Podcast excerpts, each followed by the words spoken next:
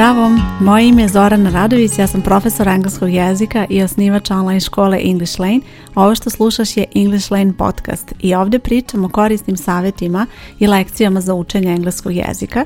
U ovoj epizodi pričat ću o tome kako da učiš nove reči na engleskom i ovo je nešto što možeš primijeniti bez obzira da li tek sada počinješ sa učenjem engleskog jezika ili učiš već neko vreme i već si na nekom nivou kada već imaš dobar fond reči, ali je bitno da nastaviš da proširuješ taj fond reči. Učenje novih reči je veoma važan deo učenja engleskog i mnogima će učenje novih reči zapravo biti teže nego gramatika, jer gramatika često ima neka pravila koja onako samo primenjuješ neku formulu, naučiš kako se neko vreme gradi i onda samo koristiš to i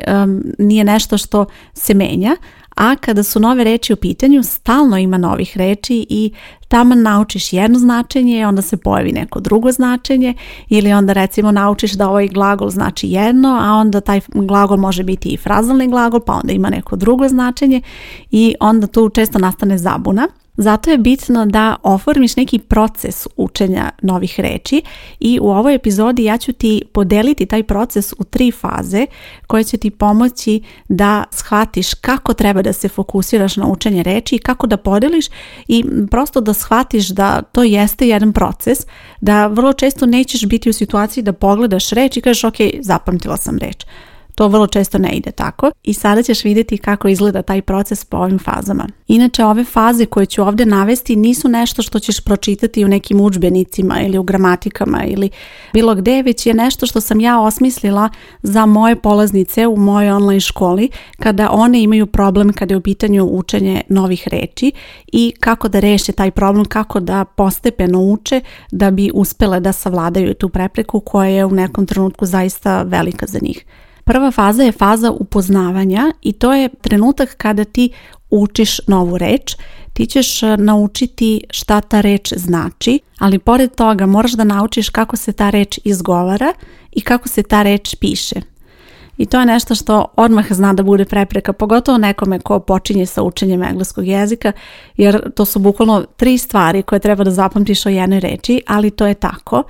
moraš da se fokusiraš da naučiš značenje, da naučiš izgovor i pisanje za svaku reč koju učiš. Pisanje će ti u početku biti teško, ali vremenom će biti sve lakše, vidjet ćeš. Kada je u pitanju izgovor, tu isto treba vremena da se to sve nauči, ali znam da će značenje biti nešto što ćeš ti onako prvo staviti, bit će tvoj fokus i to ćeš najlakše zapamtiti zato što to pokušavaš da uradiš, da tražiš ekvivalente za reči koje već znaš, da nađeš na engleskom ekvivalent, tako da će ti to najlakše ići, znači da naučiš značenje. Kada imaš novu reč, ti zapravo treba da imaš odakle ćeš da učiš. Verovatno ćeš imati ili neke lekcije u kojima će biti nove reči i onda ćeš imati objašnjenja za te reči ili ćeš ih sama tražiti u rečniku ali je vrlo bitno da nađeš te dodatne informacije za svaku reč i da naučiš značenje i da naučiš, kao što sam već rekla, izgovor i pisanje. Kada je u pitanju značenje reči, skrenut ću ti pažnju da u engleskom jeziku jedna reč može imati više značenja i e, kada ti počinješ sa učenjem engleskog jezika, ti ne moraš i ne treba da naučiš sva značenja. To je sasvim normalno jednostavno ti ćeš učiti osnovna značenja. Šta to znači? Recimo, ako otvoriš neki jednojezični rečnik i ukucaš neku reč da potražiš definiciju u rečniku, vrlo često ćeš vidjeti izlistane definicije po nekim brojevima i to su ta različita značenja reči kako krećeš sa učenjem engleskog jezika, ići ćeš uglavnom od početka, odnosno prvo će biti ta neka najčešća, odnosno osnovna značenja reči, a kasnije će biti dole niže u rečniku na toj stranici druga značenja te reči. I nemoj da se opterećuješ ako si recimo na početnom nivou da naučiš sva značenja jedne reči jer to nije moguće niti to treba tako da ide. Ako gledaš u tu stranicu u okviru online rečnika, pogledaj i uglavnom prva ta značenja, to su osnovna značenja, a ponekad u rečniku bude pored reči napisano A1, A2, B1, to je oznaka nivoa gdje je A1 najniži početni nivo i to ti isto može biti indikacija koje je značenje za tebe, znači šta je ono što ti treba da naučiš, a recimo ako vidiš da ima B1 označeno, to znači da je to reč koja se uči na tom srednjem nivou i ako si ti početnik, tebi ne treba sada to značenje, možeš da ga preskočiš tada u tom trenutku. Naravno, ako imaš program po kome radiš, ako radiš po nekom udžbeniku, ako pratiš neki kurs, ako imaš profesora sa kojim radiš, ovo će biti tebi dosta olakšano zato što ćeš imati već sve informacije šta treba da učiš, koja značenja treba da naučiš u kom trenutku. I na kraju kod ove faze upoznavanja mnogima je korisno da zapišu negde tu reč i eventualno da zapišu neko značenje prevod, izgovor, šta god tebi pomaže, ti to treba da uradiš. Ako je ono što tebi pomaže da zapišeš tu reč, uradi to. Ako ti recimo pomaže da prepisuješ reč, to je onaj neki najdosadniji zadatak koji smo radili u osnovnoj i srednjoj školi kad treba da jednu reč da prepišeš, ne znam, po 5-6 puta u jednom redu, ali nekim ljudima to zaista pomaže da zapamte recimo kako se piše reč, ti onda možeš i to da uradiš. Drugi način može da bude da recimo e, imaš te neke reči u okviru nekog spiska, recimo ako radiš lekciju, tako je recimo u mojoj školi kad imaš lekciju, posle lekcije se nalaze reči koje treba da naučiš u okviru te lekcije zajedno sa definicijom, primjerima, sve ono što ti je neophodno da učiš, naravno i izgovorom i onda ćeš na toj jednoj stranici imati sve grupisano, tako da ćeš moći to da koristiš kao neki primjer, nešto odakle ćeš učiti. Druga faza je faza kada treba da učiš tu reč. Dakle, u prvoj fazi si se upoznala, znaš kako se piše ta reč, naučila si, to jest čula si izgovor, ali sada treba da učiš tu reč i evo kako ćeš to da uradiš. Prvo razmišljaj o tome kako možeš upotrebiti tu reč. Razmišljaj da li bi nešto rekla na engleskom, a da upotrebiš tu reč. To je vrlo bitno zato što će ti pomoći da odmah prihvatiš tu reč kao deo tvog vokabulara. Znači nisi je naučila samo zato što je to bio deo lekcije, već si je naučila da bi koristila tu reč u konverzaciji. Sljedeći korak je da uradiš vežbanja i vežbanja treba da budu napravljena tako da ti pomažu da upotrebiš tu reč i druge reči koje si naučila i na taj način ćeš moći da testiraš sebe i da vidiš da li umeš da upotrebiš tu reč u nekim primjerima, da li možeš da prepoznaš značenje, da li umeš da napišeš ili da izgovoriš tu reč, naravno zavisi od tipa vežbanja. U mojoj školi postoje razne vrste vežbanja kada su u pitanju nove reči i razni načini koji će ti pomoći da uvežbaš tu reč i neki od njih su naravno dopisivanje reči u okviru rečenice, negde moraš da povezuješ neke definicije, odnosno sinonime, reči koje imaju isto značenje, a čak postoje i kartice za učenje novih reči koje isto pomažu da naučiš da povežeš reč sa slikom, da čuješ izgovor i naravno odmah da vidiš prevod i to je nešto što je veoma korisno kada su u pitanju nove reči. Još nešto što možeš da uradiš kada je u pitanju učenje novih reći u ovoj drugoj fazi, to je da napraviš mapu za učenje i već sam puno o tome pričala, već sam pomenula to kao jednu veoma efikasnu tehniku za učenje novih reći i ovdje u okviru ove stranice gdje slušaš podcast ja ću ostaviti link ka toj epizodi da možeš i to da preslušaš detaljno kako se prave mape za učenje, kako ti to radiš kada učiš nove reči u okviru te epizode postoji i nekoliko praktičnih zadataka kako ti da napraviš mape za učenje i to je nešto što ti može biti veoma korisno kada učiš nove reči, bez obzira na vrstu reči, bez obzira da li učiš imenice, prideve, glagole, šta god, to je nešto što može da se primeni. Kod ove faze bitno je da zapamtiš da moraš da se vratiš na neku reč nekoliko puta. To znači da recimo ako si danas naučila tri neke nove reči, da sutra želiš da naučiš nove tri reči, to je ok. E, Sljedeći dan želiš opet da neke nove reči, recimo sad pet novih reči, to može da ide do nekle, ali u nekom trenutku moraš da se vratiš jer jednostavno ako ne proveravaš, ako ne obnavljaš, ako ne koristiš reči, naravno desit će ti se da zaboraviš nešto i zato je bitno da se uvijek vraćaš na one reči koje si naučila, da ponovo pogledaš tu lekciju, da ponovo prođeš kroz ta značenja, da se podsjetiš, neki od njih će ti biti lakše da zapamtiš, neki ne, ali bitno je da prođeš kroz taj e, spisak tih reči koje si učila i da se podsjetiš da li svaku reč se sećaš tačno šta znači, kako se izgovara i naravno kako se koristi ta reč. I onda dolazimo do treće faze, a to je faza upotrebe gdje ti dolaziš u situaciju kada treba da upotrebiš tu reč u konverzaciji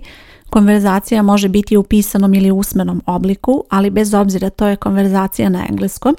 i ono što se mnogima dešava je da uvek koriste neke onako poznate reči, to jest neke reči koje onako tu su usvojili su, super ih znaju i onda oslanjaju se na ono sigurno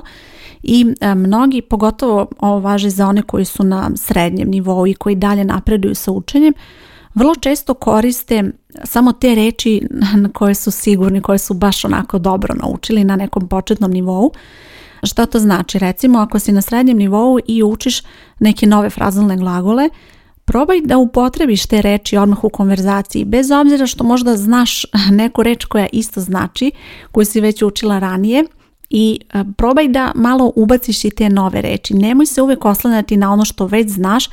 Naravno, to je nešto što se svima dešava, jednostavno lakše je osloniti se na ono što znaš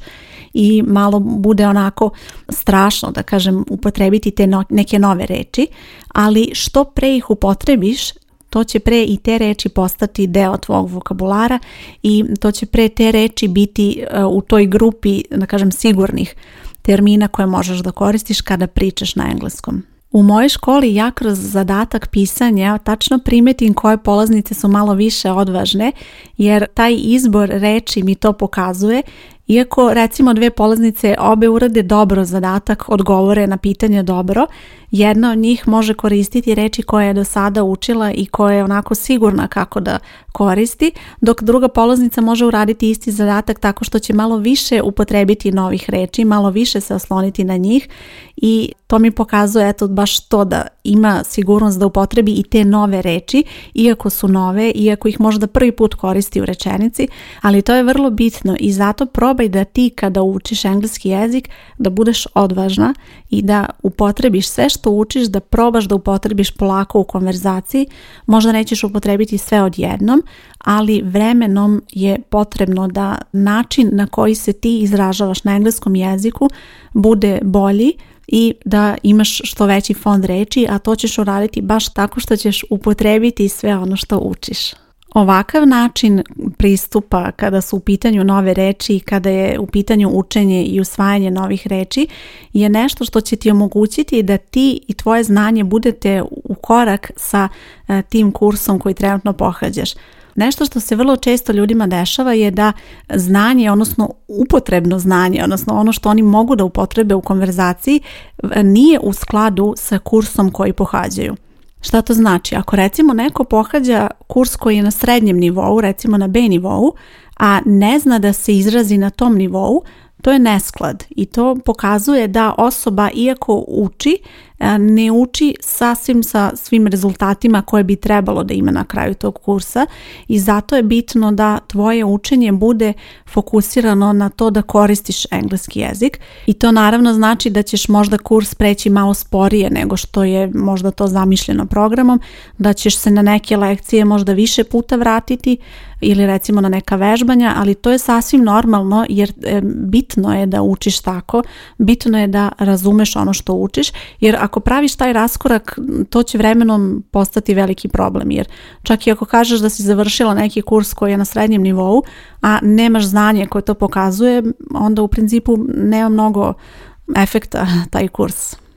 Na kraju podsjetit ću te da još jednom na ove faze i vrlo je bitno da zapamtiš da će neka reč proći dosta brzo kroz ove faze, to znači da ćeš je brzo naučiti i odmah upotrebiti, a za neku reč će ti trebati malo više vremena i to je sasvim u redu, jednostavno to tako ide, ali svaka reč znači prolazi kroz fazu upoznavanja, kada naučiš šta ta reč znači, upoznaješ se sa svim nekim značenjima koje ti mogu trebati u tom trenutku